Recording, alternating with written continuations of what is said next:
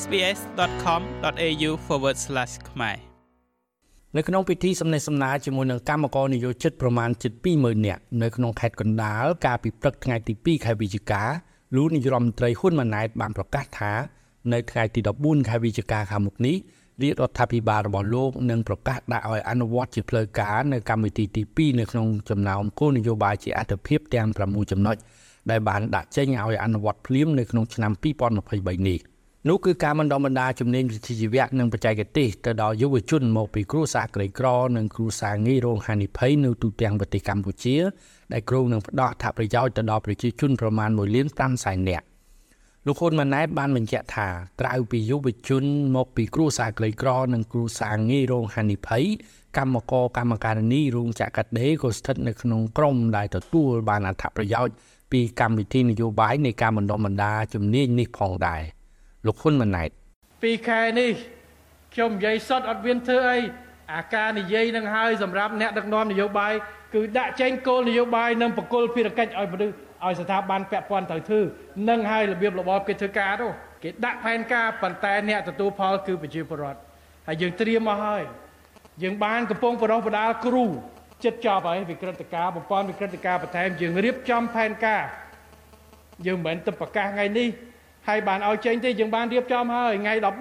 14នៅសល់ប្រហែលជា10ថ្ងៃទៀតខ្ញុំត្រូវទៅប្រកាស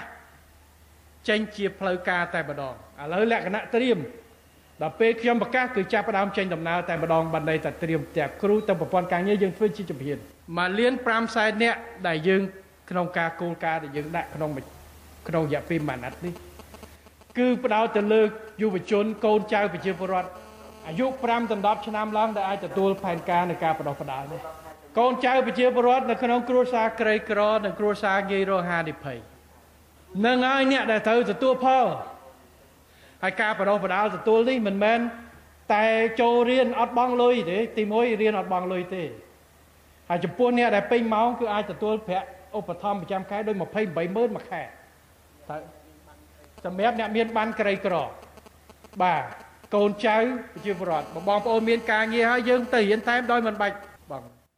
លោកហ៊ុនម៉ាណែតក៏បានលើកឡើងនៅគោលនយោបាយឲ្យជាប់ឲ្យចេះនិងឲ្យមានការងារគឺជាពាក្យកន្លឹះសម្រាប់ក្រុមការងារទទួលបន្ទុកលើការបណ្ដុះបណ្ដាលជំនាញវិជ្ជាជីវៈនិងបច្ចេកទេស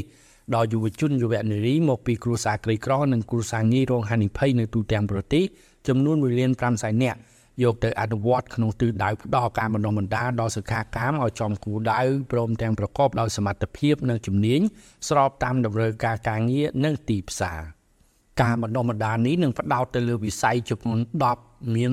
38មុខជំនាញវិស័យទាំង10នោះរួមមានវិស័យសំណង់អគ្គិសនីអេឡិត្រូនិកបរិក្ខារក្តៅនិងត្រជាក់មេកានិកទូទៅនិងមេកានិករថយន្តទេសចរសេវាកម្ម កសិកម្មនិងកសិឧស្សាហកម្មធុរកិច្ចនិងបច្ចេកវិទ្យាព័ត៌មាន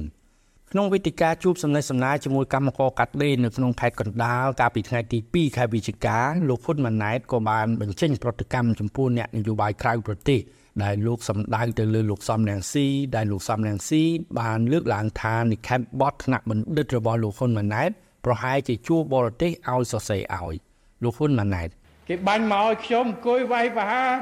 រឿង សញ្ញាអឺរឿងនិខេបបត PhD របស់ខ្ញុំ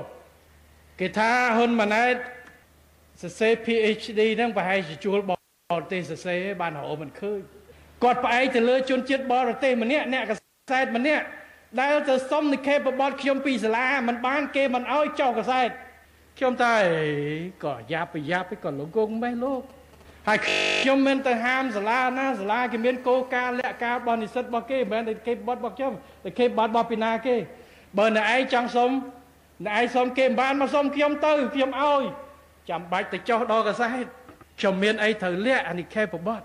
បើលោកអ៊ំប្រហែលខ្ញុំមើលប្រវត្តិលោកអ៊ំអត់ដល់រៀនដល់ PhD ទេបាទលោកអ៊ំប្រហែលជាអត់យល់ពីការធ្វើ PhD បាទលោកខ្ញុំមិនថាវ័យបហាអ្នកណាទេគេធ្វើនិខេបបត់5ឆ្នាំ គេឆ្លងកាត់ការឆ្លើយការឆ្លងជាមួយ ទីប្រឹក្សាជាប់រហូតគ្មានពីណាទៅបន្លំបានទេហើយចប់គេត្រូវការពារជាមួយនឹងបណ្ដុំនៃសាស្ត្រាចារ្យខ្ញុំការពារចង់10នាក់គ្រូខ្ញុំអ្នកទីប្រឹក្សាខ្ញុំមិនឲ្យចូលទេ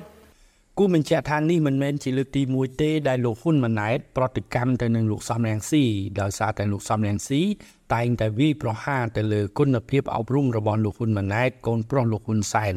ដែលបានរៀនចប់សាលាបណ្ឌិតយោធានៅសហរដ្ឋអាមេរិកនិងរៀនចប់ថ្នាក់បណ្ឌិតសេដ្ឋកិច្ចនៅប្រទេសអង់គ្លេសខ្ញុំម៉េងផល្លា SBS ខ្មែររាយការណ៍ពីរាជធានីភ្នំពេញ